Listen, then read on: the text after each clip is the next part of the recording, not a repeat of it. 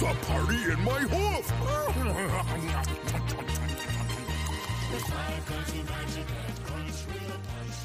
Welcome back to another episode of Daily Fortnite, your daily podcast about Fortnite. I'm your host, Mikey, aka Mike Daddy, aka Magnificent Mikey. Not a lot of news today. It does look like the Ultimate Reckoning Pack is making its return. Uh, this is one that I was able to get last year, and I absolutely love it. So, uh, take a look at those in the item shop uh, when you get a chance. Uh, like, like I said, very happy with uh, with getting that myself last year. Uh, but again, not a lot of news going on today, so let's go ahead and take a look at what we have featured this weekend in the LTM's Zombie Island Haunting, Prison Breakout, Become Kevin, Tiny Town, Halloween Power. Uh, we have Unvaulted making a return, rock climbing, open world parkour, night fair, uh, uptown road rush. Late game arena is still here as well, so that's really uh, cool to see that it's going to seems like it's going to be here for a little while. So uh, definitely uh, play that when you have the chance. Uh, Teddy, uh, Tommy Flitch, Alien Nightmare, Dark Pine, Monster versus Survivors, The Nightmare, and a lot more to be discovered. Now, let's go ahead and head on over to that item shop and see what we have in the item shop today. Again, uh, that uh, Reckoning Pack is here. Uh, very good. Uh, I must have, maybe I must have purchased because it's uh, it, it shows up here on my account and it only shows up if you didn't purchase it. So I must have purchased it on my son's account and I was playing with it on there uh, because I definitely remember playing with the characters and purchasing it. So must have been on uh, my son's account. But yeah, they're all really good. Um, you have your spooky offers uh, section still here, and then today we have the Shadow Ops outfit with the Prospect backbling for 1,500, Prickly Patroller outfit for 800, the Prickly Pose emote for 200, Cross Bounce emote for 500, Ultra Scythe harvesting tool for 500, Grim Axe's harvesting tool for 500 the Blooming Bones harvesting tool for 800, the Blooming Doom harvesting tool for 800. Uh, let's see here. We have the Isabelle outfit with the Book of Spells Volume 3 backbling and the extracurricular more emote for 1500. Uh, the Astrolomaster staff for harvesting tool for 800. Jump shot outfit for 1200.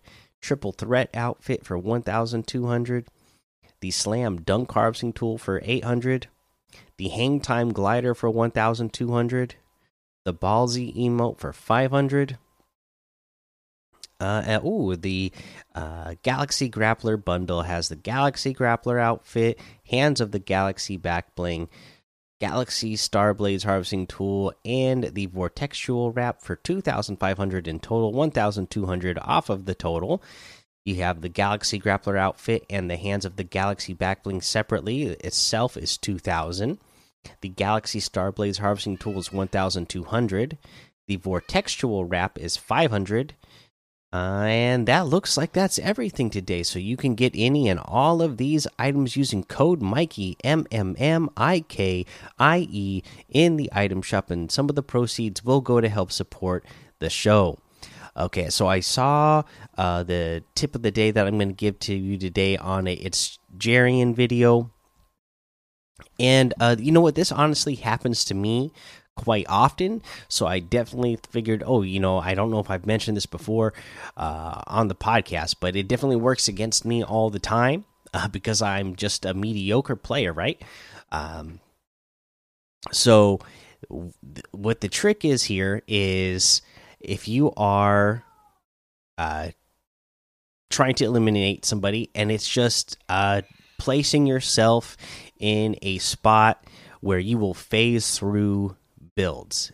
Uh, especially the example that he shows in the video, it's a great one because uh, what you're, you know, in the situation he does in the video, he's breaking the bottom he's building up to underneath somebody's box. It builds a ramp underneath somebody's box, right? So that you're going to be breaking the floor, uh, and then you are going to put be putting yourself in a situation that if you are able to replace that floor with your own, that you will be phasing through it when you place the the the piece. Uh, because the other player is expecting a, a piece to be placed there, but not that you're going to be phased through it when when you when you place that build okay uh, and then when you are phased uh, they're going to be uh, falling through that floor onto the ramp trying to jump uh, you know you're not not ready to shoot because they're going to be holding down their build trying to keep the build that they had so it's giving you a lot of advantages of them just not being prepared them not having their weapon ready uh, and then uh, you know just being caught by surprise of not you know being able to uh, stand on a piece. And plus you're able to shoot th through that because it's not set yet be it's being phased through so you're able to shoot through it as well and hit the enemy. And uh, again it's just totally going to confuse them. So uh, that's not the only time that you can uh, find yourself faced with things. A lot of times you can uh, phase yourself with a cone when you're inside of somebody's box already and just the the the, the cone being placed even though it, you're phase through it and you can move around just fine and you can shoot just fine a lot of times it's enough to throw off your opponent that uh, it, it it'll just throw them off enough that it'll give you the advantage if you practice uh, you know shooting while phasing through pieces, uh, it'll give you that advantage of not not freaking out in the moment uh, and not uh, being prepared in those types of moments. All right, that's going to be the episode for today. Make sure you go join the daily Fortnite Discord and hang out with us. Follow me over on Twitch, Twitter, and YouTube. Head over to Apple Podcasts, leave a five star rating and a written review for a shout out on the show. Make sure you subscribe so you don't miss an episode. And until next time, have fun, be safe, and don't get lost in the storm.